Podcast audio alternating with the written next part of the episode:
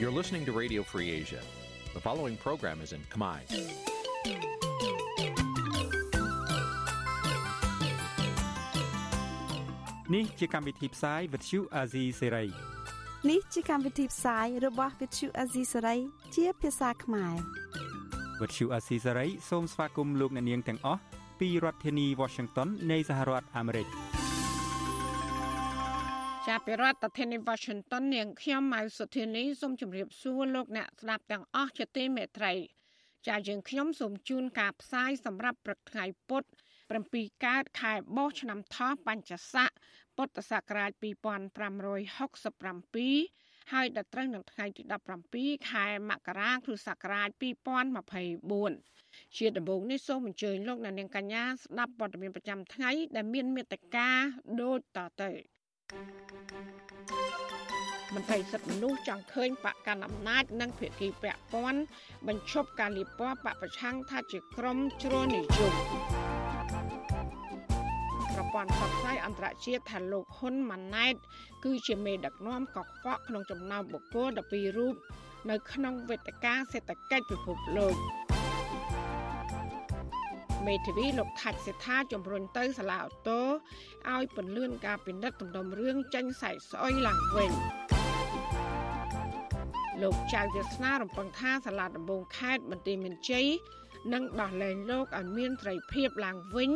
រួមនឹងព័ត៌មាន សំខាន់សំខាន់មួយចំនួនទៀតជាជាបន្តទៅទៀតនេះនាងខ្ញុំម៉ៅសុធានីសូមជូនព័ត៌មានទាំងនោះពឺស្ដាប់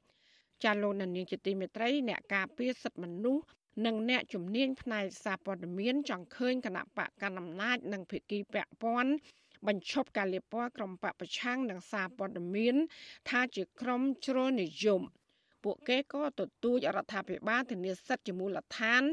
របស់ប្រជាប្រដ្ឋក្នុងការទទួលបានព័ត៌មានគ្រប់ជ្រុងជ្រោយដោយមាននៅក្នុងសង្គមប្រជាធិបតេយ្យ ការលើកឡើងនេះធ្វើឡើងនៅបន្ទាប់ពីក្រុមអង្គការសង្គមស៊ីវិលគាំទ្ររដ្ឋាភិបាលចំនួន10បានថ្លែងការរួមគ្នាថានឹងកម្ចាត់ក្រុមប្រឆាំងជននិយមដែលពួកគេចោទថាមានមេបកប្រឆាំងលោកសំរងស៊ីនិងវັດឈូអាស៊ីសេរីសេចក្តីថ្លែងការណ៍នេះគឺជាការបន្តតាមក្រោយអតីតនាយករដ្ឋមន្ត្រី និងជាប្រធានគណៈបកកាន់អំណាចលោកហ៊ុនសែនដែលបានប្រកាសជាថ្មីទៀត ថាគណៈបកលោកនឹងរួមជាមួយគណៈបកសម្ព័ន្ធភាពចំនួន27ផ្សេងទៀតដើម្បីកម្ចាត់អ្នកនយោបាយដែលលោកហៅថាជាក្រុមជ្រុលនិយមឲ្យផុតពីកម្ពុជាចាប់ពីរដ្ឋធានី Washington អ្នកស្រីសុជីវីរាយការណ៍ព័ត៌មាននេះអ្នកការពារសិទ្ធិមនុស្សនិងអ្នកជំនាញផ្នែកសារព័ត៌មានមើលឃើញថា ការដែលបកកាន់អំណាចនិងភាគីពាក់ព័ន្ធនៅតែបន្តលៀបពណ៌ក្រុមបកប្រឆាំងនិងសារព័ត៌មាន ថាជាក្រុមជ្រុលនិយមនិងចិញ្ចឹមចិត្តចង់កំទេចចោលបែបនេះជាទង្វើដែលផ្ទុយពីដំណើរការប្រជាធិបតេយ្យនិងធ្វើឲ្យខាតប្រយោជន៍ពលរដ្ឋនាយកប្រតិបត្តិនៃសម្ព័ន្ធអ្នកសារព័ត៌មានកម្ពុជាហៅកាត់ថាខេមបូចាលោកណូវីមានប្រសាសន៍ថាក្នុងសង្គមប្រជាធិបតេយ្យពលរដ្ឋមានសិទ្ធិទទួលបានព័ត៌មានគ្រប់ជ្រុងជ្រោយពីគ្រប់ភាគីហើយសិទ្ធិនេះជាសិទ្ធិមូលដ្ឋានធានាដោយច្បាប់ លោកថាការលៀបពណ៌ការរើសអើងក្រុមអ្នកមាននយោបាយមិនស្របនឹងរដ្ឋាភិបាលនិងសារព័ត៌មានដែលរិះគន់រដ្ឋាភិបាល គឺធ្វើឲ្យខាតប្រយោជន៍របស់ពលរដ្ឋនិងសង្គមយើងគួរតែពិនិត្យពិចារណាឡើងវិញមុននឹងយើងសាបព្រោះនៅគំនិតទស្សនៈយោបល់ទាំងអស់ហ្នឹងដើម្បីធ្វើយ៉ាងម៉េចឲ្យមានចំណែកមួយក្នុងការជួយ កែលម្អសង្គមរបស់យើងឲ្យកាន់តែល្អប្រសើរជាជាងការបង្កើតនៅផ្នែកគំនិតមួយដែលធ្វើឲ្យមានការរើសអើងធ្វើឲ្យមានការស្អប់គ្នាទៅវិញទៅមកឬមួយក៏ជាជាចំណែកមួយដែលมันធ្វើឲ្យមានភាពសុខដុមរមនានៅក្នុងសង្គមរបស់យើងណាបាទកាលពីថ្ងៃទី16ខែមករាសមាគមនិងអង្គការសង្គមស៊ីវិលគាំទ្រគណៈបកកាន់អំណាចចំនួន10បានរួមគ្នាចេញសេចក្តីថ្លែងការណ៍រួមបង្ហាញពីគោលបំណងរួមគ្នា កម្ចាត់ក្រុមមនុស្សដែលពួកគេចោទថាជាក្រុមនយោបាយជ្រុលនិយមដោយសម្ដៅទៅក្រុមរបស់មេបកប្រឆាំងលោកសំរងស៊ីនិងវិទ្យុអាស៊ីសេរីពួកគេចោទថាលោកសំរងស៊ីនិងវិទ្យុអាស៊ីសេរីមិនគោរពតាមរដ្ឋធម្មនុញ្ញច្បាប់ជាតិអន្តរជាតិនាំឲ្យមានការបែកបាក់ជាតិបំផ្លាញសន្តិភាព និងប្រមាថព្រះមហាក្សត្រជាដើម បាទទោះជាយ៉ាងណាភាគច្រើននៃក្រុមអង្គការសមាគមទាំងនេះត្រូវគេស្គាល់ថាជាក្រុមដែលធ្លាប់ជាសកម្មជនធ្វើការងារសង្គមហើយក្រោយមក បានទៅចោះចូលជាមួយនឹងបកកណ្ដាលអំណាចរបស់លោកហ៊ុនសែនក្នុងនោះក៏មានអ្នកមួយចំនួនបានតួនាទីនៅក្នុងជួរមន្ត្រីរាជការផងដែរសេចក្តីថ្លែងការណ៍របស់ក្រមសង្គមស៊ីវិលទាំងនេះជាការបន្តតាមក្រោយអតីតនាយករដ្ឋមន្ត្រីនិងជាប្រធានគណៈបកកណ្ដាលអំណាចលោកហ៊ុនសែនដែលបានប្រកាសជាថ្មីទៀតកាលពីថ្ងៃទី7ខែមករា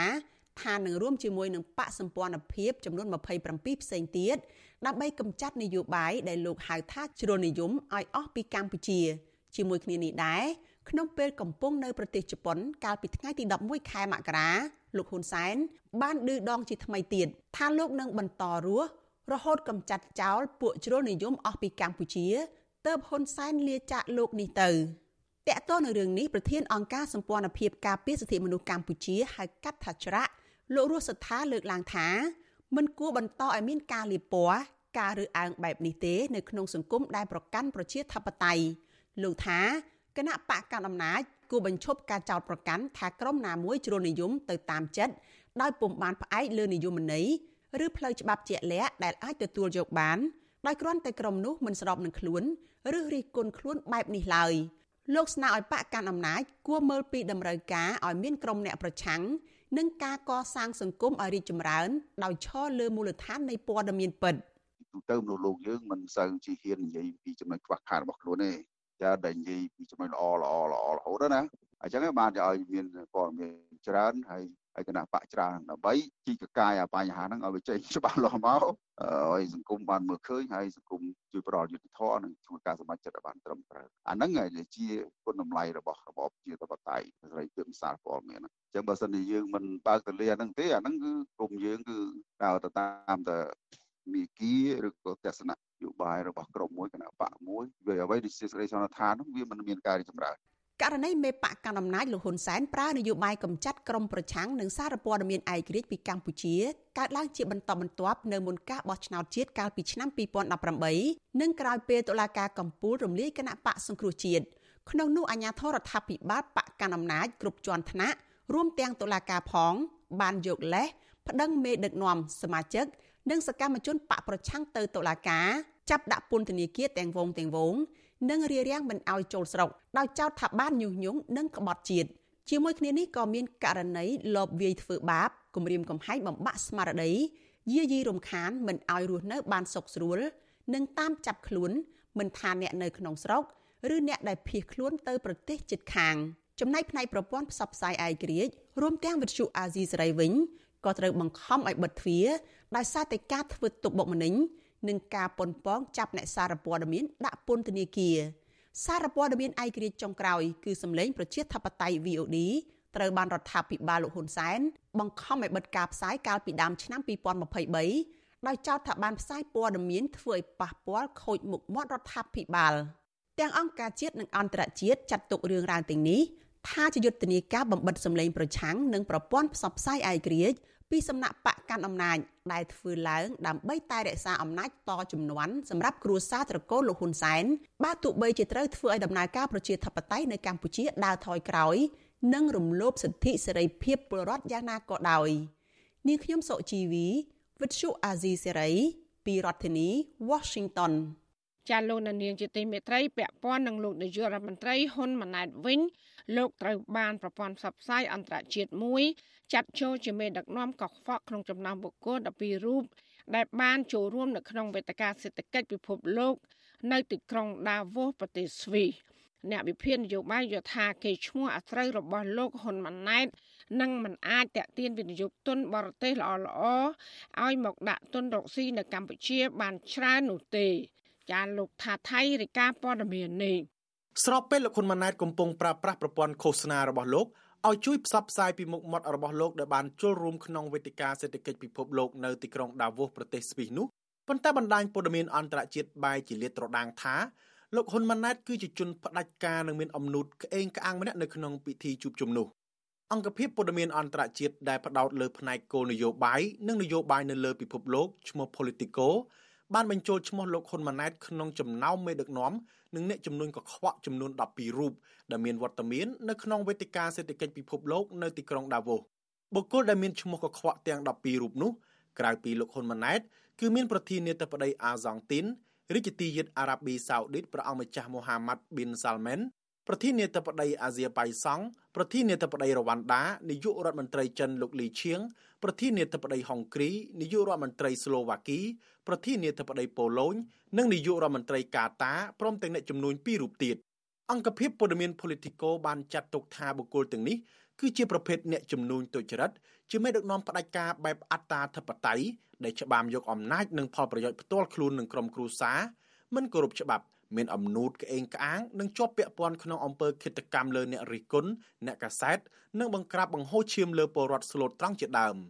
បណ្ដាញព័ត៌មានអន្តរជាតិមួយនេះក៏បានបរិយាយពីលោកហ៊ុនម៉ាណែតដែរថាជានាយករដ្ឋមន្ត្រីថ្មីរបស់កម្ពុជាដែលទទួលបានការអប់រំខ្ពស់នៅប្រទេសលោកខាងលិចហើយមជ្ឈដ្ឋានមួយចំនួនយល់ថាជាអ្នកកែតម្រង់និងទំនើបកម្មដ៏មានសក្តានុពលម្នាក់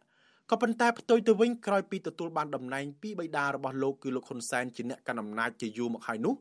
លោកហ៊ុនម៉ាណែតមិនបានបង្ហាញសញ្ញាណាមួយនៃការចង់ធ្វើទំនើបកម្មឬកែតម្រង់កម្ពុជានោះឡើយអង្គភាពព័ត៌មាន Politico បានគូបញ្ជាក់ថាមានចំណុចសំខាន់សំខាន់ជាច្រើននៃការដឹកនាំបែបផ្ដាច់ការរបស់លោកហ៊ុនម៉ាណែតរួមមានការបង្ក្រាបឥតឈប់ឈរទៅលើគណៈបកប្រឆាំងនិងអ្នករិះគន់ការបោះឆ្នោតបែបឡប់ឡែអំពើពុករលួយដ៏រាលដាលនិងទំនាក់ទំនងបកពុនិយមរវាងក្រុមអ្នកនយោបាយកណ្ដាលអំណាចនិងក្រុមអ្នកជំនួញអញជួយឯងឯងជួយអញ ទាក់ទិននឹងរឿងនេះវិទ្យុអាស៊ីសេរីមិនអាចសុំការឆ្លើយតបពីប្រធានអង្គភិបអ្នកនាំពាក្យរដ្ឋាភិបាលលោកប៉ែនបូណានិងអ្នកនាំពាក្យគណៈបកកណ្ដាលអំណាចលោកសុកអេសានបានទេដោយទូរស័ព្ទចូលពុំមានអ្នកទទួលក៏ប៉ុន្តែលោកហ៊ុនម៉ាណែតបានថ្លែងក្នុងពិធីសម្ដែងសម្ដាលជាមួយពលរដ្ឋខ្មែរនៅទ្វីបអឺរ៉ុបកាលពីថ្ងៃទី14មករាថាវត្តមានរបស់លោកនៅឯវេទិកាសេដ្ឋកិច្ចពិភពលោកលើកទី54គឺជាដំណើរទៅគោះទ្វារស្វែងរកអ្នកធុរកិច្ចឲ្យមកបណ្ដាក់ទុនរកស៊ីនៅកម្ពុជាមកទីនេះហើយ ដាក់ពេលវេលាជាប់គ្នាទាំងអស់គឺភារកិច្ចតែមួយគឺធ្វើយ៉ាងណាដើម្បីគោះទ្វារដើម្បីចាប់ដៃដើម្បីបង្ហាញទាំងថ្នាក់ដឹកនាំនយោបាយអង្គការក៏ដូចជាធុរកិច្ចនៅលើពិភពលោកអំពីកម្ពុជាហើយបបួលគេទៅតែម្ដងហៅថាដើរតាក់មួយតែម្ដងទោះជាយ៉ាងណាអ្នកវិភាគនយោបាយលោកកឹមសុខថ្លែងថាវត្តមានរបស់លោកហ៊ុនម៉ាណែតក្នុងវេទិកាសេដ្ឋកិច្ចពិភពលោកគ្រាន់តែជាការយករូបភាពមកបោកប្រាស់ប្រជាពលរដ្ឋតែប៉ុណ្ណោះ ប៉ុន្តែនឹងមិនអាចនាំផលប្រយោជន៍អ្វីដល់កម្ពុជាឡើយប្រសិនបើមេដឹកនាំរូបនេះមិនព្រមស្ដារប្រជាធិបតេយ្យនិងការគោរពសិទ្ធិមនុស្សពិតប្រាកដទេនោះលោកយល់ថាពិភពលោកនិងអ្នកជំនួញអន្តរជាតិបានស្គាល់លោកហ៊ុនម៉ាណែតច្បាស់ថាលោកជាមេដឹកនាំផ្ដាច់ការបន្តពីឪពុក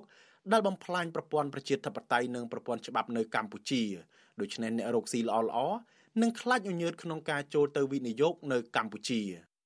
កាន់តំណែងដោយការប្រកួតមិនត្រឹមត្រូវដូច្នេះវាជាការបំផ្លាញប្រព័ន្ធប្រជាធិបតេយ្យបំផ្លាញរដ្ឋធម្មនុញ្ញមានន័យថាបំផ្លាញប្រព័ន្ធច្បាប់របស់ប្រទេសទាំងមូលតែម្ដងហើយបើកាលណាបំផ្លាញប្រព័ន្ធច្បាប់ដែលគេដឹងពេញពិភពលោកទៅហើយតើអ្នកជំនួញអន្តរជាតិណាគេចាប់អារម្មណ៍ទៅរកស៊ីប្រទេសកម្ពុជា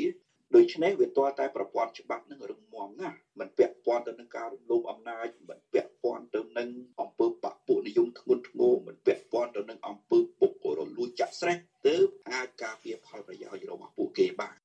នាំពិភពលោកជាង60នាក់កំពុងជួបប្រជុំគ្នាជាមួយក្រុមអ្នកជំនួញមកពីជុំវិញពិភពលោកនៅទីក្រុងដាវូសប្រទេសស្វីសរយៈពេល5ថ្ងៃចាប់ពីថ្ងៃទី15ដល់ថ្ងៃទី19ខែមករា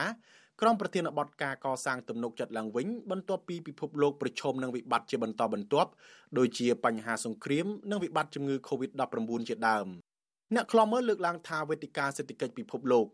ដែលប្រមូលផ្ដុំដោយមេដឹកនាំផ្ដាច់ការនិងពុករលួយព្រមទាំងអ្នកចំនួនទុច្ចរិតមួយចំនួនផងនោះនឹងមិនអាចមានការជជែកគ្នានឹងការសម្រេចចិត្តដោយបើកចំហនិងដំណាភាពដើម្បីផលប្រយោជន៍សម្រាប់មនុស្សជាតិទូទៅឡើយ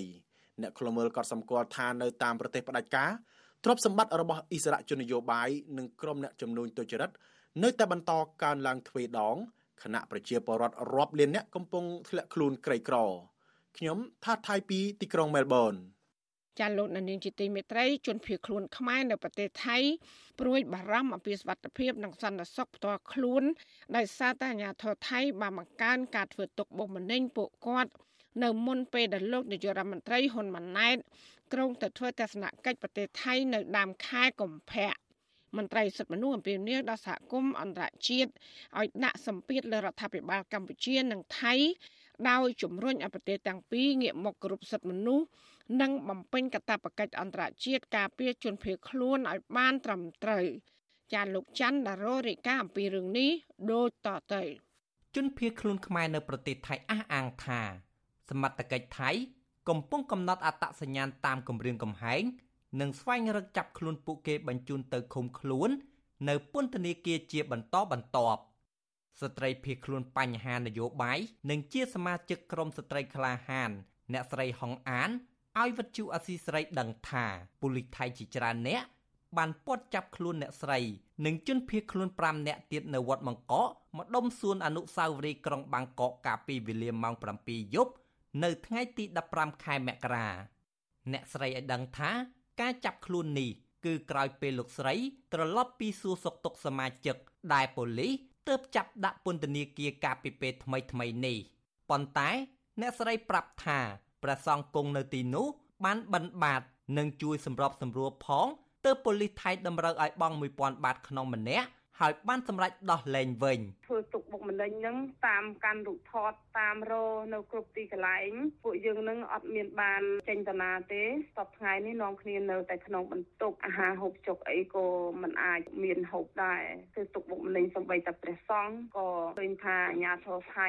និងមន្ត្រីស្ថានទូតខ្មែរនឹងសហការគ្នាតាមធ្វើទុកបុកម្នេញរោរឿងគ្រប់ទីកន្លែង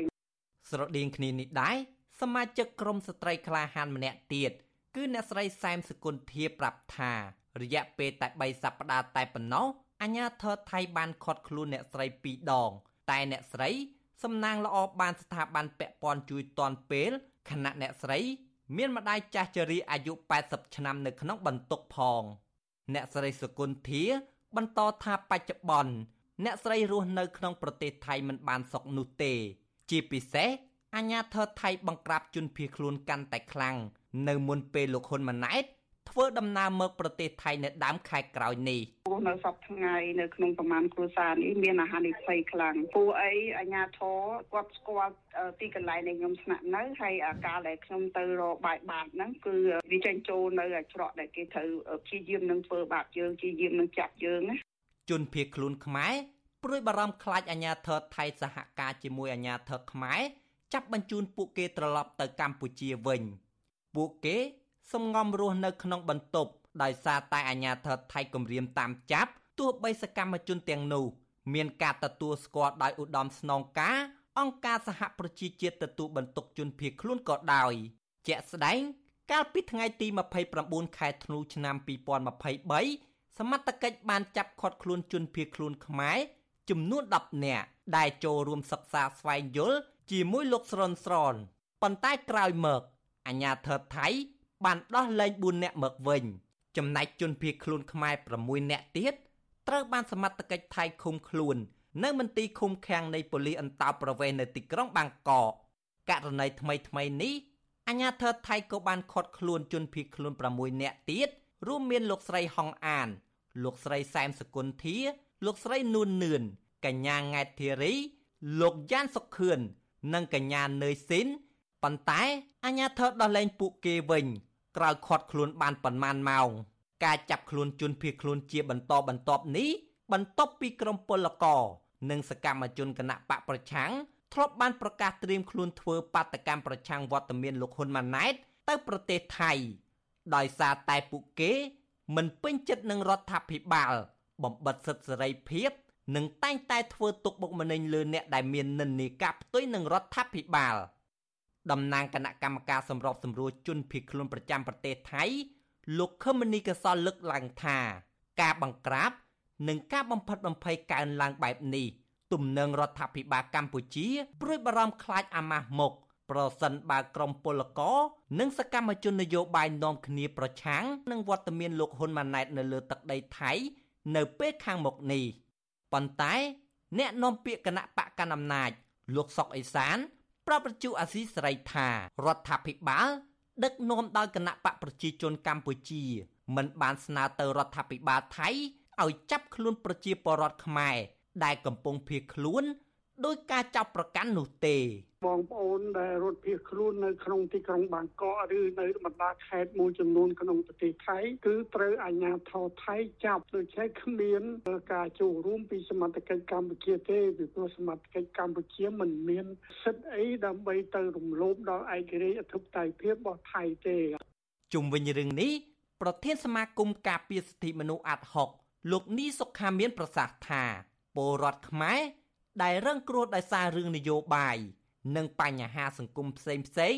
បានប្រត់ស្រុកកំណើតភៀសខ្លួននៅក្រៅប្រទេសក៏ដោយក៏ពួកគេមានសិទ្ធិទទួលបានការការពារសវត្ថិភាពដោយមិនត្រូវធ្វើទុកបុកម្នេញឬចាប់បញ្ជូនមកកម្ពុជាវិញឡើយតែយ៉ាងណា លោកនីសុខាមើលឃើញថាប៉ុន្មានឆ្នាំមកនេះអាញាធរកម្ពុជានិងថៃបានសហការគ្នាក្នុងការរដ្ឋបិទលើសិទ្ធិសេរីភាពជនភៀសខ្លួន ដោយមិនគិតរឿងមនុស្សធម៌និងការរំលោភសិទ្ធិមនុស្សដែលសហគមន៍អន្តរជាតិត្រូវចាត់វិធានការដោះស្រាយឲ្យបានឆាប់យើងអំពាវនាវឲ្យអំពាវនាវទៀតឲ្យខាងសហគមន៍អន្តរជាតិពិសេសគឺអង្គការសហជាតិនឹងពិចារណានិងពិនិត្យឲ្យបានម៉ត់ចត់ចំពោះប្រទេសមួយចំនួនដែលរំលោភលើសិទ្ធិជនភៀសខ្លួននឹងហើយគួរតែមានវិធានការបានមើងម៉ាត់ចាប់តាំងពីគណៈបកប្រជាជនកម្ពុជា ដឹកនាំប្រទេសផ្ដាច់មុខ កាលពីឆ្នាំ2017មកដល់បច្ចុប្បន្ននេះអ្នកនយោបាយសកម្មជនសិទ្ធិមនុស្សអ្នកសារព័ត៌មាន និងសកម្មជនដីធ្លីជាដើម បានភៀសខ្លួនមកប្រទេសថៃជាបន្តបន្ទាប់បច្ចុប្បន្នមានជនភៀសខ្លួនខ្មែរប្រមាណ100នាក់កំពុងរស់នៅប្រទេសថៃ ដើម្បីគេចចេញពីការធ្វើទុកបុកម្នេញនៃរដ្ឋាភិបាល ដឹកនាំដោយត្រកូលហ៊ុនខ្ញុំបាទច័ន្ទដារោវុទ្ធុ អាស៊ីសេរីចាលោកដានៀងជាទីមេត្រីមន្ត្រីសង្គមស៊ីវិលនិងមន្ត្រីបពប្រឆាំងជំរុញឲ្យអាជ្ញាធរពាក់ព័ន្ធបើកការស៊ើបអង្កេតករណីអភិបាលខេត្តបៃលិនអ្នកស្រីបានស្រីមុំដែលរងការចាប់ប្រកាន់ពីជនអនាមិកថាបានប្រព្រឹត្តអំពើពុករលួយ និងរំលោភអំណាចជាដើមក៏ប៉ុន្តែរដ្ឋបាលខេត្តបៃលិនបានច្រានចោលការចោទប្រកាន់នេះ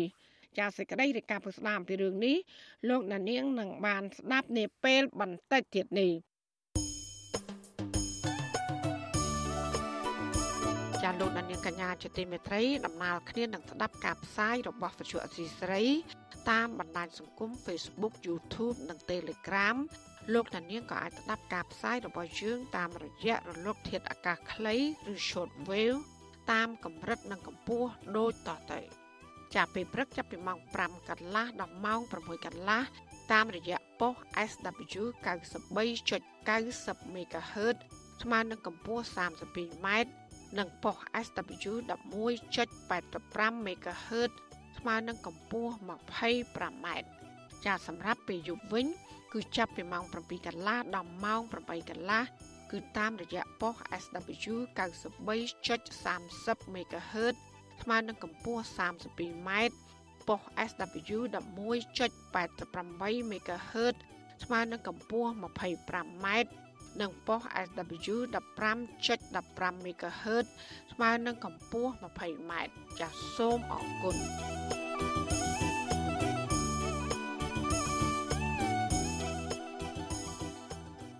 ចាលោកនានីជាទីមេត្រីពាក់ព័ន្ធនឹងអនុប្រធានគណៈបកភ្លើងទៀនវិញ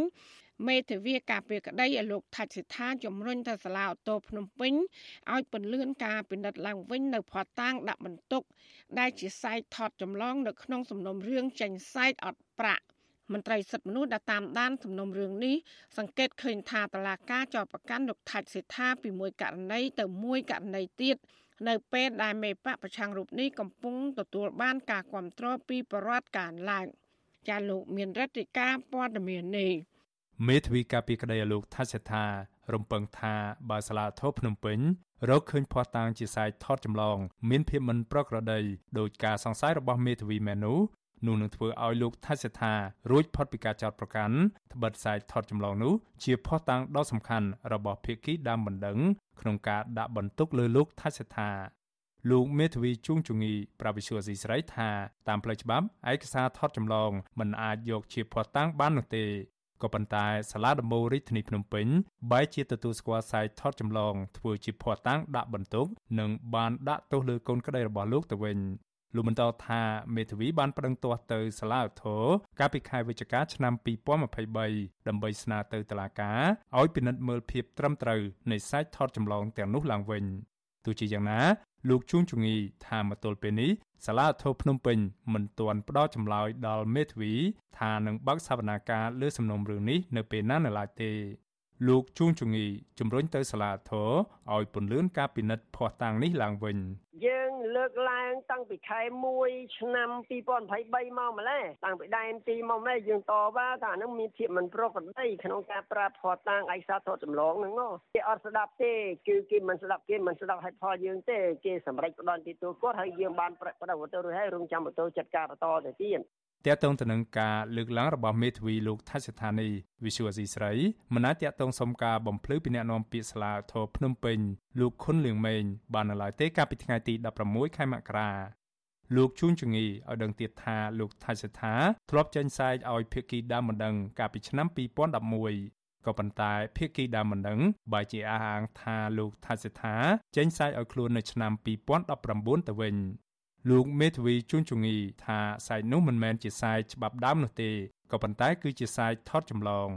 អ្នកនាំពាក្យសមាគមការពារសិទ្ធិមនុស្សអាត់ហុកលោកសឹងសានករណាលើកឡើងថាការប្តឹងផ្តល់ឈានទៅដល់ការចាប់ខ្លួនលោកថៃសិដ្ឋាបែបនេះកើតមានឡើងនៅចំពេលដែលលោកសកម្មនៅក្នុងការសម្ដែងមតិនយោបាយហើយទទួលបានចំណាប់អារម្មណ៍ខ្លាំងពីពលរដ្ឋជាច្រើនអ្នក លោកសឹងសានករណាថាការប្តឹងផ្តល់លោកថៃសិដ្ឋាពីមួយករណីទៅមួយករណីទៀតយ៉ាងដូចនេះធ្វើឲ្យមានការរិះគន់ថានេះគឺជាការធ្វើទុកបុកម្នេញផ្នែកនយោបាយទៅលើអនុប្រធានគណៈបកភ្លើងទៀនរូបនេះជាចលនាទ្របទ្របបញ្ចាំអីមានហេតុអីក៏មិនមានការជជែកដោះស្រាយគ្នាបានបែរជាទៅជាមានវិធានការ ពីព្រោះធម្មតាខ្ញុំម្ចាស់បំណុលខ្ញុំមានអ្នកកូនបំណុលហើយមានទ្រព្យសម្រាប់សងត្រឡប់មកវិញអានឹងវាជារឿងមួយវាត្រូវចប់គ្នាវាមិនអាចទៅដល់លក្ខណៈធ្ងន់ធ្ងរទេលោកថាសេដ្ឋាវ័យ70ឆ្នាំមានដើមកំណើតខ្មែរក្រោមហើយលោកជាប្រធានសហគមន៍ខ្មែរកម្ពុជាក្រោមនិងជាអនុប្រធានគណៈបកភ្លើងទៀនលោកត្រូវបានអាជ្ញាធរក្រុងភ្នំពេញចាប់ខ្លួនកាលពីថ្ងៃទី16ខែមករាឆ្នាំ2023 កាលពីខែកញ្ញាឆ្នាំ2023តឡាការក្រុងភ្នំពេញបានផ្តន្ទាទោសលោកដាក់ពន្ធនាគាររយៈពេល18ខែនៅក្នុងសំណុំរឿងទី1ទាក់ទងទៅនឹងការចេញសាច់ស្អុយឬសាច់អត់ប្រាក់លើសពីនេះទៀតមួយខែក្រោយមកតឡាការដដែលក៏បានផ្តន្ទាទោសលោកថាសេដ្ឋាដាក់ពន្ធនាគារ3ឆ្នាំថែមទៀតក្នុងសំណុំរឿងថ្មីពីរផ្សេងគ្នាគឺពីបទញុះញង់បង្កឲ្យមានភាពវឹកវរធ្ងន់ធ្ងរដល់សន្តិសុខសង្គមនិងបទញុះញង់ឲ្យមានការរើសអើងពូជសាសន៍តាក់ទងទៅនឹងរឿងដែលលោកនិយាយពីប្រវត្តិគណៈបកប្រជាជនកម្ពុជា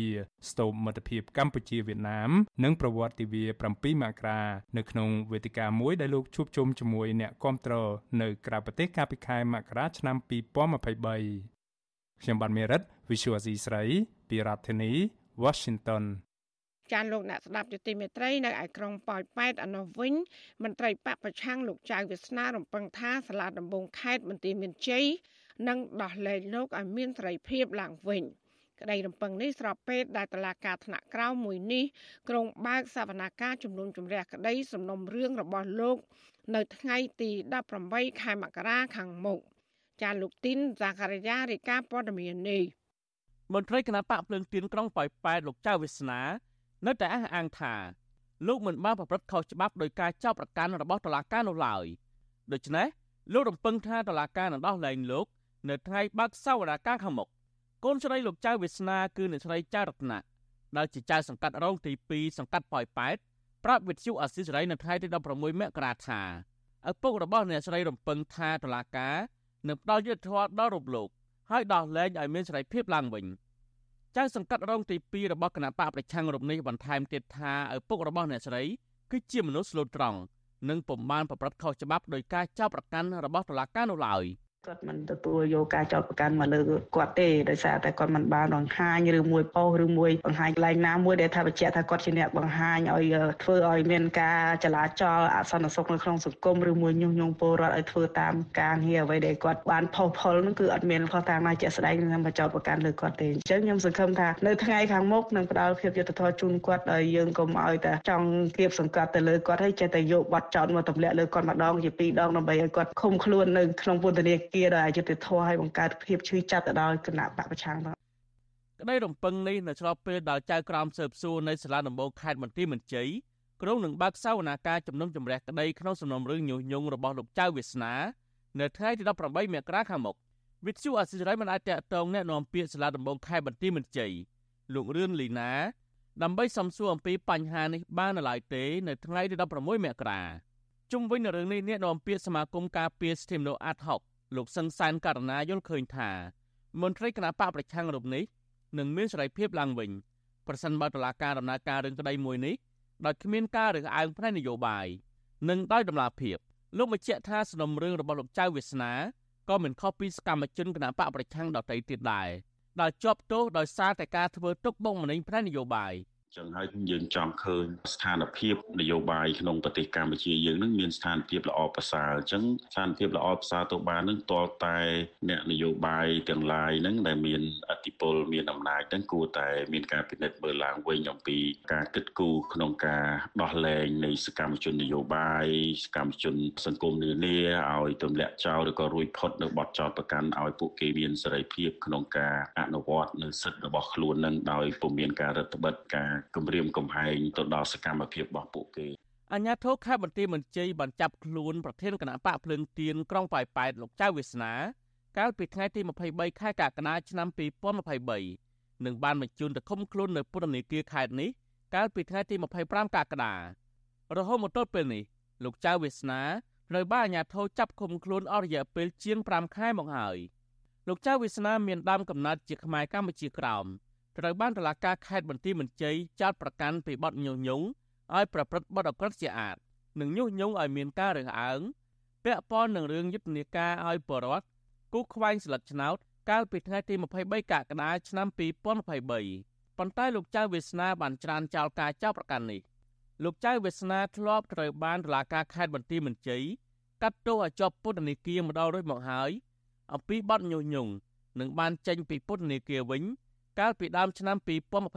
2022បន្ទាប់ពីលោកបានអនុវត្តទោសគ្រប់ចំនួនរយៈពេល5ឆ្នាំហើយតុលាការបានដោះលែងចេញពីពន្ធនាគារវិញកាលពីដើមឆ្នាំ2022បន្ទាប់ពីលោកបានអនុវត្តទោសគ្រប់ចំនួនរយៈពេល5ឆ្នាំពេញនៅក្នុងពន្ធនាគារខ្ញុំបាទទីនសាការីយ៉ាអស៊ីសេរីប្រធានីវ៉ាស៊ីនតោនចាលោកអ្នកស្ដាប់ជាទីមេត្រីប្រជាប្រដ្ឋមួយចំនួនរស់នៅស្រុកលវាអែមខេត្តកណ្ដាលប្រកបមុខរបរធ្វើត្រីឆ្អើលក់ ដើម្បីដោះស្រាយជីវភាពគ្រួសារបើទោះបីជាមានអ្នកខ្លះបានបោះបង់មុខរបរមួយនេះក៏ដោយពួកគាត់អះអាងថាថ្មីត្បិតមុខរបរមួយនេះมันបានធ្វើឲ្យពួកគាត់ខ្លាចជាអ្នកមានក៏ដោយក៏ការធ្វើត្រីឆ្អើគឺជាមុខរបរបញ្ជាក់អំពីអត្តសញ្ញាណរបស់អ្នកភូមិប្រេតក្មេងស្រុកលវាអែមចាសសេចក្តីរាយការណ៍ពឹស្ដារអំពីរឿងនេះលោកដានៀងក៏នឹងបានស្ដាប់នាពេលបន្តិចទៀតនេះ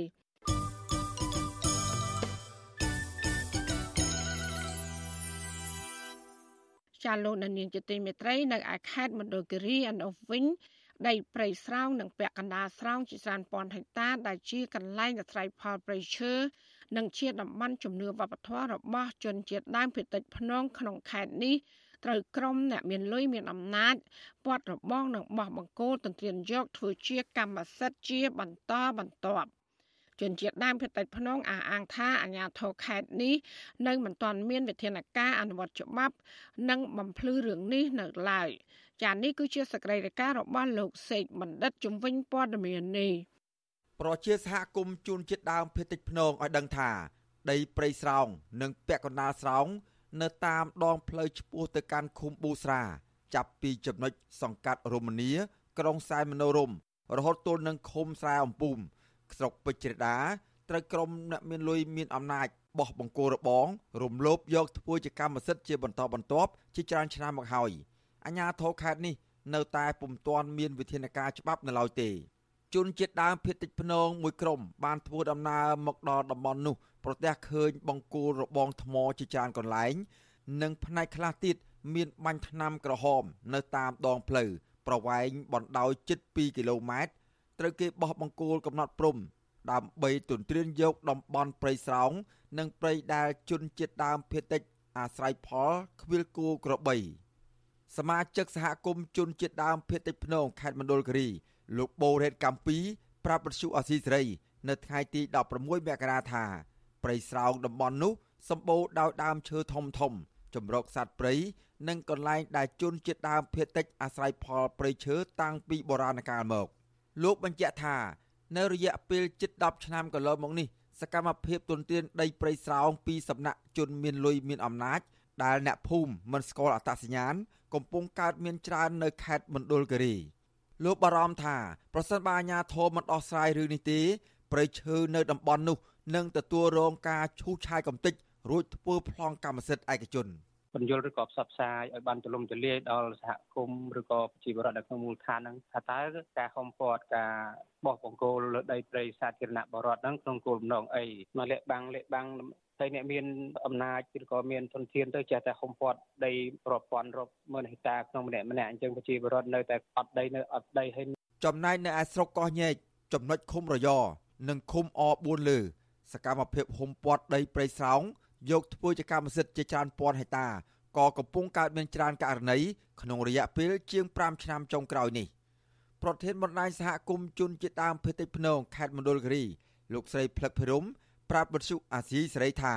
ជនជាតិដើមភេតិចយ៉ាងហោចណាស់5ភូមិក្នុងស្រុកកោះញែកបានស្រែកទ្រហោយំសោកស្ដាយដីព្រៃស្រោងដែលពួកគាត់អាស្រ័យផល កំពុងប្រឈមការរំលោភបំពានធ្វើជាកម្មសិទ្ធិឯកជនជាបន្តបន្ទាប់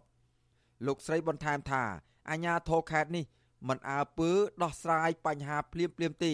បណ្ដោយឲ្យបញ្ហានេះរីកធំឡើងធំឡើងទើបដោះស្រាយតាមក្រោយធ្វើឲ្យព្រៃឈើហិនហោចអស់ បាទនៅក្នុងព្រៃក្រាស់ហ្នឹងគឺវាមានអរិយវាមានសត្វព្រៃដែលកាចសាហាវវាមានសត្វព្រៃធំធំវាមានសត្វព្រៃដែលចាស់ជរាសត្វព្រៃអត់មកថាដំរីនឹងចាស់មែនតើណាហើយភុកវាវែងវែងអញ្ចឹងវាទៅងាប់អាកន្លែងព្រៃក្រាស់ហ្នឹងហើយឥឡូវព្រៃហ្នឹងគឺថានៅតំបន់កោះញែកនិយាយថាខំពាត់9ស្រុកហ្នឹងឥឡូវស្រាប់តែឈូសឆាយខ្ទេចធ្វើជាកម្មសិទ្ធិរបស់ខ្លួនឯងយកឈើចេញទៅលក់ស្រាប់តែយកបកគោលទៅដាក់ពេញព្រៃ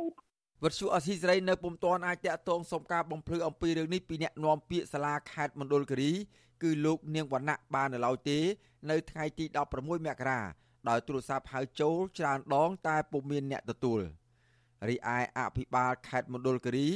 លោកថងសវុនក៏ពុំទាន់អាចសុំការអធិប្បាយជុំវិញរឿងនេះបានដែរនៅថ្ងៃដដែលនេះកន្លងទៅអតីតរដ្ឋមន្ត្រីក្រសួងមហាផ្ទៃលោកសខេងត្អូញត្អែថា ចំនួនដីធ្លីនៅក្នុងខេត្តមណ្ឌលគិរីកំពុងតែកើតឡើងជាច្រើនដោយសារតែអ្នកធំធំ បានប្រជែងគ្នា ទៅចាប់ដីនៅទីនោះធ្វើឲ្យលោករងកម្មក្នុងការដោះស្រាយវិបត្តិដីធ្លីនេះទោះយ៉ាងណាលោកសខេងមិនប្រាប់ឈ្មោះអ្នកធំណាខ្លះនោះទេក៏ប៉ុន្តែលោកបង្ហើបថា មានអ្នកធំខ្លះមានងារជាឧបនាយករដ្ឋមន្ត្រីផងឥឡូវនាំគ្នាទៅ ចាប់ដីកំពុងមានរឿងមិនទាន់ដោះស្រាយទៅហើយសើតែ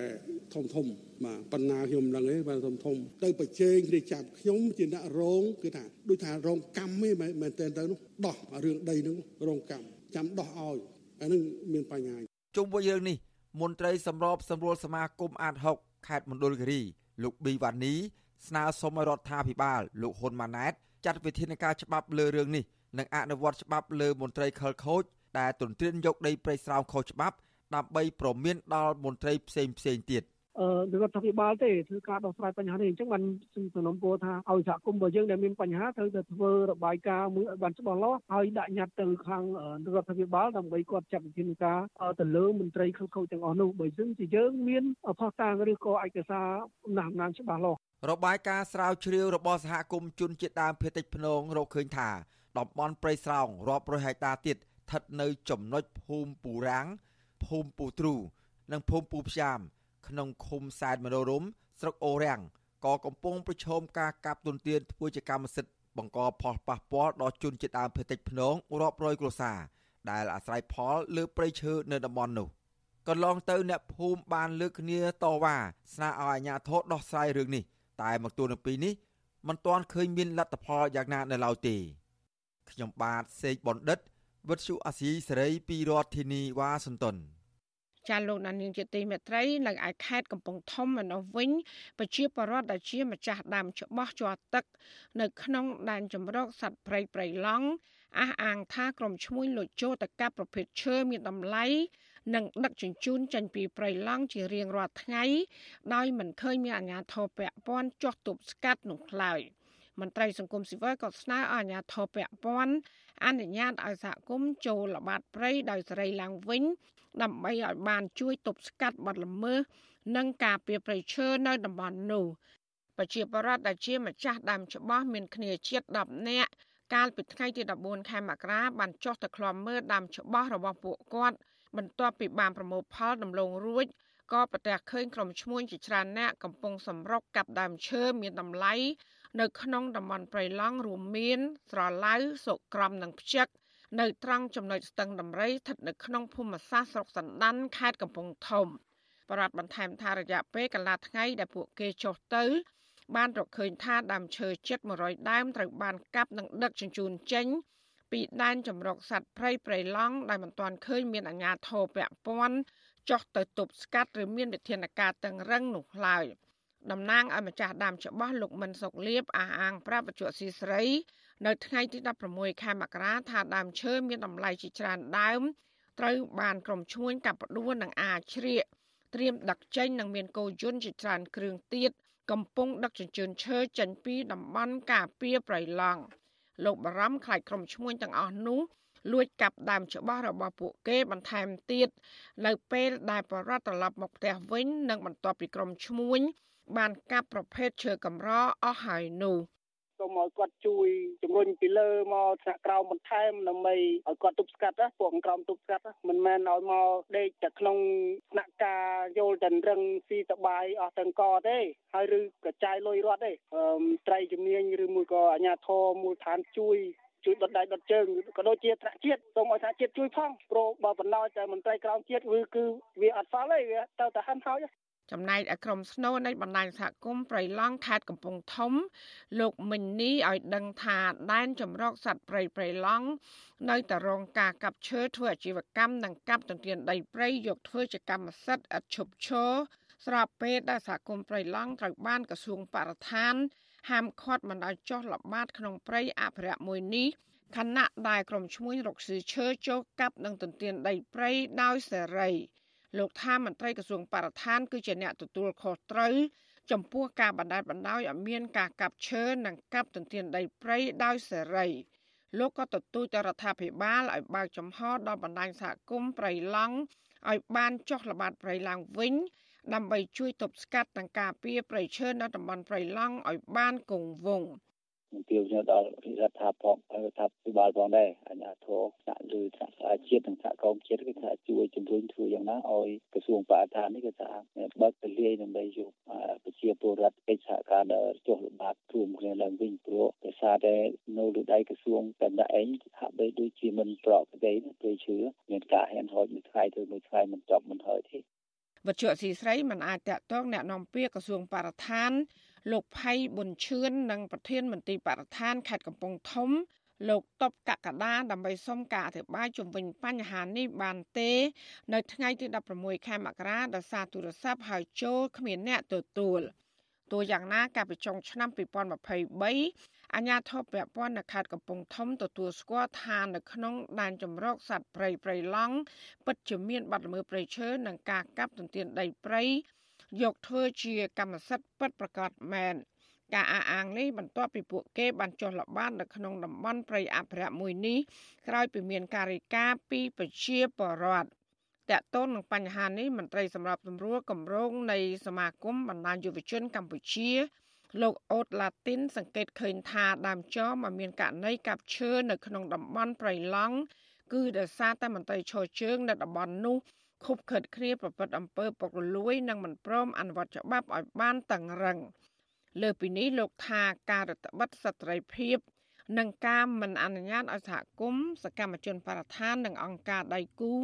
ចូលរួមការពារនេះទើបធ្វើឲ្យជនល្មើស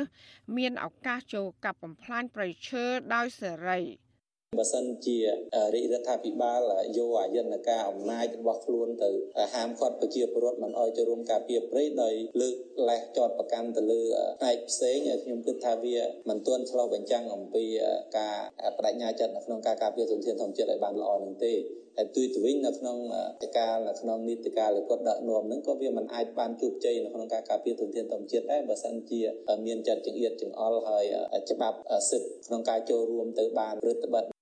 ដែនចម្រុកសត្វព្រៃព្រៃឡង់មានផ្ទៃដីជិត5សែនហិកតាជាប់ខេត្តចំនួន4រួមមានខេត្តកោះចេះស្ទឹងត្រែងព្រះវិហារនិងខេត្តកំពង់ធំត្រូវបានរដ្ឋាភិបាលបង្កើតជាតំបន់ដែនចម្រុកសត្វព្រៃនៅក្នុងឆ្នាំ2016ព្រៃនេះដើរតួយ៉ាងសំខាន់ក្នុងការផ្គត់ផ្គង់ជីវភាពប្រជាពលរដ្ឋដែលរស់នៅជុំវិញតំបន់នោះប្រមាណជាង2សែននាក់ភាគច្រើនគឺជាជនជាតិដើមភាគតិចគួយ កាលពីខែកក្កដាឆ្នាំ2023កន្លងទៅរដ្ឋាភិបាលបានប្រកាសពង្រីកទំហំផ្ទៃដីនៃដែនចម្រុកសត្វព្រៃព្រៃឡង់ពី430000ទៅ48000ហិកតាទោះបីរដ្ឋាភិបាលពង្រីកផ្ទៃដីធំជាងមុនយ៉ាងនេះក្តីក៏តំបន់ការពារមួយនេះ នៅតែរងការកាប់យកឈើធំធំ និងការកាប់ទន្ទ្រានដីព្រៃធ្វើជាកម្មសិទ្ធិពីសំណាក់ក្រុមឈ្មួញយ៉ាងអនាធិបតេយ្យផងដែរ ចាលោកដានៀងជាទីមេត្រីមន្ត្រីសង្គមស៊ីវិលនិងមន្ត្រីបពប្រឆាំងជំរុញឲ្យអាជ្ញាធរពាក់ព័ន្ធបើកការស៊ើបអង្កេតករណីអភិបាលខេត្តបៃលិនអ្នកស្រីបានស្រីមុំដែលរងការចាប់ប្រកាន់ពីជនអនាមិកថាបានប្រព្រឹត្តអំពើពុករលួយ និងរំលោភអំណាចជាដើមក៏ប៉ុន្តែរដ្ឋបាលខេត្តបៃលិន បានច្រានចោលការចោទប្រកាន់នេះចាលោកច័ន្ទដារ៉ូរាយការណ៍អំពីរឿងនេះដូចតទៅ មន្ត្រីសង្គមស៊ីវិលលើកឡើងថាលិខិតអនាមិកដែលចាប់ប្រកាន់អភិបាលខេត្តបៃលិនកាលពីពេលថ្មីថ្មីនេះថាមានភាពមិនប្រក្រតីក្នុងការបំពេញតួនាទីគម្រាមមន្ត្រីថ្នាក់ក្រោមនិងមានបញ្ហាផ្សេងទៀតនោះក្រសួងមហាផ្ទៃគួរតែបើកការស៊ើបអង្កេតដោយតម្លាភាពនិងប្រុងប្រយ័ត្នឲ្យបានខ្ពស់ចំពោះករណីមន្ត្រីដែលមានឥទ្ធិពលទើបអាចរឹកយុត្តិធម៌សម្រាប់ភាគីទាំងអស់បានមន្ត្រីសម្របសម្រួល នៃសមាគមការពារសិទ្ធិមនុស្សអាត់ហុកប្រចាំខេត្តបាត់ដំបងលោកយិនមេងលីយល់ឃើញថាការធ្វើលិខិតអមដោយស្នាមមេដៃរបស់មន្ត្រីនៅតាមអង្គភាព នៅក្នុងខេត្តបៃលិនបដិសេធលិខិតអនាមិកមិនទាន់អាចបំភ្លឺរឿងនោះពិតឬប្រឌិតបានឡើយប្រសិនបើគ្មានការស៊ើបអង្កេត និងការធ្វើអធិការកិច្ចករណីនេះឲ្យបានត្រឹមត្រូវលោកយល់ថា ការអនុវត្តបែបនេះដើម្បីបញ្ជាក់ពីភាពស្អាតស្អំ យុត្តិធម៌រួមទាំងបំភ្លឺការសង្ស័យរបស់មហាជន ជាពិសេសដើម្បីកុំឲ្យប៉ះពាល់ដល់មន្ត្រីដែលខិតខំធ្វើការ និងបម្រើសង្គមជាតិ ដើម្បីស្វែងរកការពិតថាតើលិខិតនឹងវាជាលិខិតពិតឬក៏បញ្ហាទាំងអស់នឹងវាកើតមានមែនឬក៏វាមិនមែនដើម្បីលាងជំរះនៅមន្ទិលសង្ស័យដើម្បីលាងឲ្យលោកទទាវនឹងបានភាពស្អាតស្អំឡើងវិញឬក៏យ៉ាងម៉េចហ្នឹងខ្ញុំគិតថាក្រសួងមហាផ្ទៃដែលជាអាណាព្យាបាលគ្រាប់បីតែមានក្រុមអធិការកិច្ចមួយចុះធ្វើការស្រាវជ្រាវដោយប្រុងប្រយ័ត្នដើម្បីស្វែងរកការពិតសំណើរបស់មន្ត្រីសង្គមស៊ីវិលនេះធ្វើឡើងបន្ទាប់ពីជនអនាមិកបានសរសេរលិខិតប្លង់ចោលនៅទីសាធារណៈនៅខេត្តបៃលិន កាលពីពេលថ្មីថ្មីនេះដោយអះអាងថាតំណាងឲ្យអភិបាលរងខេត្តបៃលិន បានសរសេរលិខិតមួយច្បាប់ផ្ញើជូនលោកនាយករដ្ឋមន្ត្រីហ៊ុនម៉ាណែតឲ្យចុះធ្វើអធិការកិច្ចជុំវិញរឿងមិនប្រក្រតីចំពោះការដឹកនាំរបស់អភិបាលខេត្តបៃលិន គឺអ្នកស្រីបានស្រីមុំរំលោភអំណាច ដែលនាំឲ្យមន្ត្រីនៅតាមមន្ទីរអង្គភាពនៅក្នុងខេត្តមិនពេញចិត្តលិខិតនោះចោទថាក្រោមការដឹកនាំរបស់អ្នកស្រីបានស្រីមុំបានធ្វើឲ្យបែកបាក់សាមគ្គីដណ្ដើមអំណាចគ្នាផ្ទៃក្នុងដោយសារតែអ្នកស្រីមិនបានអនុវត្តតាមទូនីតិភារកិច្ចរបស់ក្រសួងមហាផ្ទៃម្យ៉ាងទៀតអ្នកស្រីបានស្រីមុំតែងតែដោះដូរឬដកតំណែងមន្ត្រីតាមអំពើចិត្តដូចជាប្រធានពន្ធនាគារប្រធានមន្ទីរដែនដី ប្រធានមន្ទីរសិប្បកម្មនិងឧស្សាហកម្មដោយគ្មានអភិបាលរងណាហ៊ានជំទាស់នោះទេ ដោយសារតែអ្នកស្រីប្រាប់ថាលោកហ៊ុនសែននិងលោកហ៊ុនម៉ាណែតបញ្ជាឲ្យដកបើទោះបីដឹងថាមន្ត្រីទាំងនោះជាមនុស្សល្អនិងសកម្មការងារបកក៏ដោយមិនតែប៉ុណ្ណោះលិខិតនោះចោទទៀតថា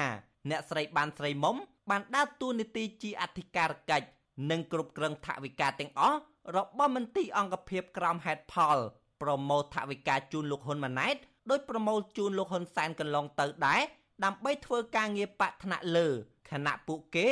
មិនហ៊ានតវ៉ាអ្វីឡើយពីព្រោះប្រធានក្រុមការងារចុះខេត្តនេះគឺលោកអ៊ីឈៀនដែលជាប្តីរបស់អ្នកស្រី ចំណែកប្រធានក្រុមប្រឹក្សាខេត្តជាមនុស្សចំណិតអតីតជាអង្គរៈរបស់លោកអ៊ីឈៀនថែមទៀតវត្តជូអាស៊ីសេរី មិនអាចតេតឹងអភិបាលខេត្តបៃលិន អ្នកស្រីបានស្រីមុំដើម្បីបកស្រាយការចោទប្រកាន់នេះបានទេនៅថ្ងៃទី14ខែមករាចំណែកអ្នកនាំពាក្យក្រសួងមហាផ្ទៃលោកខៀវសុភ័ក្រក៏មិនអាចតេតឹងបានដែរប៉ុន្តែរដ្ឋបាលខេត្តបៃលិន អភិបាលអភិបាលរងខេត្តនិងមន្ទីរអង្គភាពថ្នាក់ក្រោមកាលពីថ្ងៃទី12ខែមករាបានចេញលិខិតបដិសេធលិខិតអនាមិកដែលពួកគេថាជាការបន្លំខ្លួន ធ្វើជាអភិបាលរងខេត្តនេះពួកគេ បានចោទប្រកាន់មន្ត្រីគណៈបកភ្លើងទៀនលោកខឹមមនីកសលថាបានបង្ហោះលិខិតក្លែងក្លាយនៅលើបណ្ដាញសង្គម Facebook ដែលមានខ្លឹមសារមួបង្កាច់ញុះញង់បំបែកបំបាក់សាមគ្គីផ្ទៃក្នុងថ្នាក់ដឹកនាំខេត្តបៃលិនលិខិតបដិសេធដែលមានខ្លឹមសារស្រដៀងគ្នានោះมันបានស្នើឲ្យអាជ្ញាធរបើកការស៊ើបអង្កេតរឿងនេះដោយឯករាជ្យនោះទេប៉ុន្តែ ពួកគេស្នើឲ្យសមត្ថកិច្ចចាត់វិធានការផ្លូវច្បាប់លើជនអនាមិកទៅវិញឆ្លើយតបរឿងនេះអតីតមន្ត្រីសុខាភិបាលខេត្តបៃលិននិងជាមន្ត្រីគណៈបកភ្លឹងទៀនកំពុងភៀសខ្លួននៅប្រទេសថៃលោកខឹមមនីកសបប្រាប់វិទ្យុអស៊ីសេរី នៅថ្ងៃទី14ខែមករាថាករណីជនអនាមិកបាច់លិខិតរិះគន់ការដឹកនាំរបស់អ្នកស្រីបានស្រីមុំនៅមុខអាស្រមលោកយាយយ៉ាតនិងកន្លែងផ្សេងទៀតលោកទទួលបានពីប្រជាពលរដ្ឋនៅមូលដ្ឋាន ក្រោយពេលលោកទទួលបានលិខិតនោះពីបណ្ដាញសង្គមលោកបញ្ជាក់ថាមូលហេតុដែលលោកបង្ហោះលិខិតនៅលើ Facebook ដើម្បីជំរុញរដ្ឋាភិបាលយកចិត្តទុកដាក់លើមន្ត្រីថ្នាក់ក្រោមដែលពួកគាត់មិនហ៊ានចេញមុខតវ៉ាលោកបន្ថែមថាបើផ្អែកតាមខ្លឹមសារនៅលើលិខិតនោះ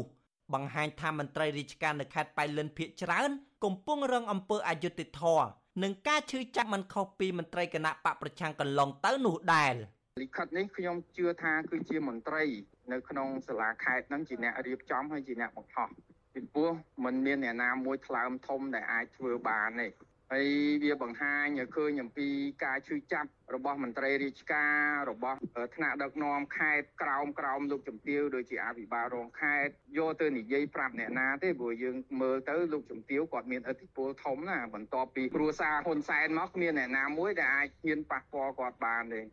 ការដឹកនាំរបស់អ្នកស្រីបានស្រីមុំក្នុងរយៈពេលប្រមាណ3ឆ្នាំមកនេះពុំសូវឃើញមានការអភិវឌ្ឍគួរឲ្យកត់សម្គាល់នោះទេ នៅក្នុងខេត្តបៃលិនហេដ្ឋារចនាសម្ព័ន្ធដូចជាផ្លូវនិងស្ពានជាដើមភាគច្រើនជាសមិទ្ធផលនិងគម្រោងរបស់អភិបាលខេត្តមុន ស្របពេលសកម្មភាពចំនួនវិញ ហាក់ដើរថយក្រោយថែមទៀតជាងនេះទៅទៀតអ្នកស្រីបានស្រីមុំជាប់ឈ្មោះអាស្រូវរឿងច្បាមយកដីប្រជាពលរដ្ឋ ប្រើអំណាចជាអភិបាលខេត្តបណ្ដេញមន្ត្រីរាជការចេញពីក្របខ័ណ្ឌតាមអំពើចិត្តអ្នកស្រីជាប់ឈ្មោះថាជាស្ត្រីខ្លាំងនៅខេត្តបៃលិន ដែលតែងតែបង្ក្រាបលើសិទ្ធិនយោបាយនិងការបញ្ចេញមតិរបស់អ្នកដែលមាននិន្នាការផ្ទុយពីរដ្ឋាភិបាលខ្ញុំបាទច័ន្ទដារោវុទ្ធុអាស៊ីសេរី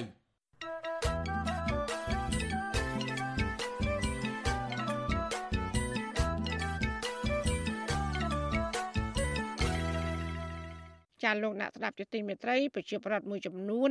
រស់នៅស្រុកលវាអែមខេត្តកណ្ដាលប្រកបមុខរបរធ្វើត្រីឆ្អើរលក់ដើម្បីដោះស្រាយជីវភាពគ្រួសារបើទោះបីជាមានអ្នកខ្លះបានបោះបង់មុខរបរមួយនេះក៏ដោយពួកគាត់អះអាងថាថ្មីត្បិតមុខរបរមួយនេះมันបានធ្វើឲ្យពួកគាត់ខ្លាចជាអ្នកមានក៏ដោយក៏ការធ្វើត្រីឆ្អើគឺជាមុខរបរបញ្ជាក់អំពីអត្តសញ្ញាណរបស់អ្នកភូមិព្រែកក្មេងស្រុកលវាអែម ចាសសូមស្ដាប់សេចក្តីរាយការណ៍ពិស្ដាររបស់លោកយ៉ងច័ន្ទតារាជំវិញព័ត៌មាននេះ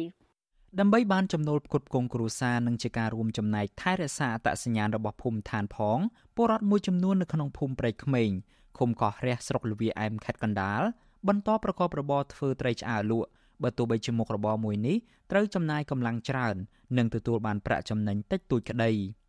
អាជីវករធ្វើត្រីឆ្អើរនៅភូមិព្រៃក្មេងលោកស្រីស្រុនសារិទ្ធ ឲ្យវិទ្យុអាស៊ីសេរីដឹងថាលោកស្រីប្រកបមុខរបរមួយនេះបន្តពីឪពុកម្ដាយរបស់លោកស្រី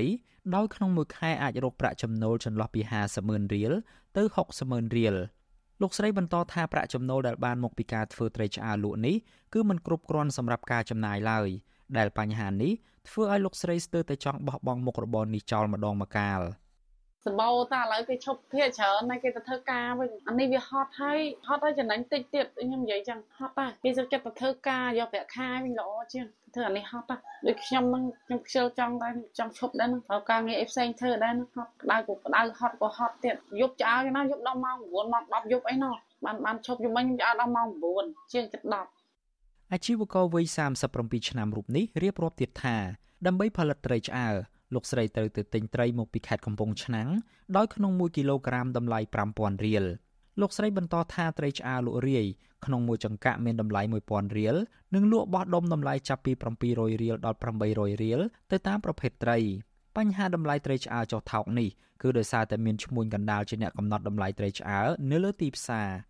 ពួកចង់និយាយថាយើងណាទៅយើងតលុយដែរនោះយើងលក់តែដែរតែពេលយើងចាំឈ្មោះអាថ្លៃមកនោះវាយូរ អាណូចបានមកនោះហើយយើងចាំមិនបានបើគេមានលុយទៅគេ stop គេ stop ទុកដល់អាណូចណាលោកបានថ្លៃតែភាគច្រើនមានសូវ stop ផងខាងព្រៃក្មេងក្រៅពីបញ្ហាតម្លៃត្រីឆ្អើថោកហើយនោះកត្តាដែលជំរុញឲ្យពលរដ្ឋមួយចំនួនបោះបង់មុខរបរនេះហើយងាកទៅប្រកបមុខរបរផ្សេងជំនួសឲ្យការធ្វើត្រីឆ្អើលក់វិញនោះគឺដោយសារតែការបិទលូនេសាទនៅខេត្តកណ្ដាលដែលធ្វើឲ្យពលរដ្ឋដែលអាស្រ័យផលដោយការនេសាទមិនអាចរកត្រីបាន អ្វីត្បិតពលរដ្ឋខ្លះប្រឈមទៅនឹងការបោះបង់មុខរបរធ្វើត្រីឆ្អើចោលក្រោយពីអ្នកភូមិនាំគ្នាឈប់ធ្វើក៏មានពលរដ្ឋខ្លះនៅតែបន្តធ្វើត្រីឆ្អើលក់ដដែលពីព្រោះត្រីឆ្អើគឺជាអត្តសញ្ញាណរបស់អ្នកភូមិព្រែកក្មេងអ្នកធ្វើត្រីឆ្អើលក់ម្នាក់ទៀតគឺលោកស្រីវុនសាវនថ្លែងថាលោកស្រីចាប់យកអាជីពនេះអស់រយៈពេលជាង10ឆ្នាំមកហើយលោកស្រីលើកឡើងថាក្នុងមួយថ្ងៃលោកស្រីអាចរកប្រាក់ចំណូលចន្លោះពី30000រៀលដល់100,000រៀលទៅតាមត្រីសម្បូរឬក៏ត្រីខ្សត់ ខ្ញុំចាស់ចាស់ហើយទៅមុខខ្ញុំមានប្រឈប់ហ្នឹងធប់ប៉ុន្តែកូនចេះស្នងតកូនចាអហ្នឹងទៅអត់ចោលទេស្រុកហ្នឹងវាមានមុខរបរតែប៉ុណ្ណឹងបើយើងចោលអត់ប្រោយមានអាជីពតែប៉ុណ្ណឹងប្រោយអាជីពតែហ្នឹងហាញ់ចំការធូសដាំដំណាំស្រូវឈូកអីនេះទួចហ្នឹងទៅតែអត់យកហ្នឹងយើងអត់ប្រោយមានតែត្រីហ្នឹងកាន់បានដើមទុនទៅទៅធ្វើចការទីហោយើងចោលបានហ្នឹងទៅមានលុយទៅទិញព្រៀងទៅបូមដាក់ឈូកដាក់ស្រូវទៅប៉ុណ្ណឹងលោកស្រីវុនសាវនបន្ថែមថាបច្ចុប្បន្នមានពលរដ្ឋប្រមាណ50%ប៉ុណ្ណោះ ដែលបន្តប្រកបមុខរបរនេះដោយសារតែការធ្វើត្រីឆ្អើជាមុខរបរបន្តបន្សំពីការធ្វើស្រែចម្ការ និងទៅតាមរដូវកាលដែលសម្បូរត្រីប្រជាពលរដ្ឋនៅភូមិព្រៃក្មេងនិយមឆ្អើត្រីពីរប្រភេទគឺត្រីស្លឹកឫស្សីនិងត្រីរៀលដែលត្រីទាំងនោះបានមកពីការនេសាទជាលក្ខណៈគ្រួសារនិងត្រីមួយចំនួនទៀតពួកគាត់ទិញមកពីខេត្តកំពង់ឆ្នាំងចំពោះដំណើរការឆ្អើត្រីវិញ គឺត្រូវប្រើចង្កាក់ដោតត្រីដើម្បីតម្រៀបដាក់លើចង្អើរ និងប្រើរយៈពេល3ម៉ោង ដើម្បីឆ្អើរត្រីពោលគឺដុតអស់ជាប់រហូតដល់ត្រីឆ្អិនល្អការផលិតត្រីឆ្អើររបស់អ្នកភូមិព្រៃក្មេងនេះគឺធ្វើទៅតាមទម្លាប់និងចេះតតគ្នាបញ្ហានេះធ្វើឲ្យក្រុមឈ្មួញកណ្ដាលតែងតែដាក់តម្លៃថោកទៅតាមប្រភេទត្រីឆ្អើរគឺត្រីឆ្អើរមិនសូវឆ្អិនល្អឬខ្លោចពេកដែលធ្វើឲ្យបាត់បង់សោភ័ណភាពនិងរសជាតិរបស់ត្រីឆ្អើរ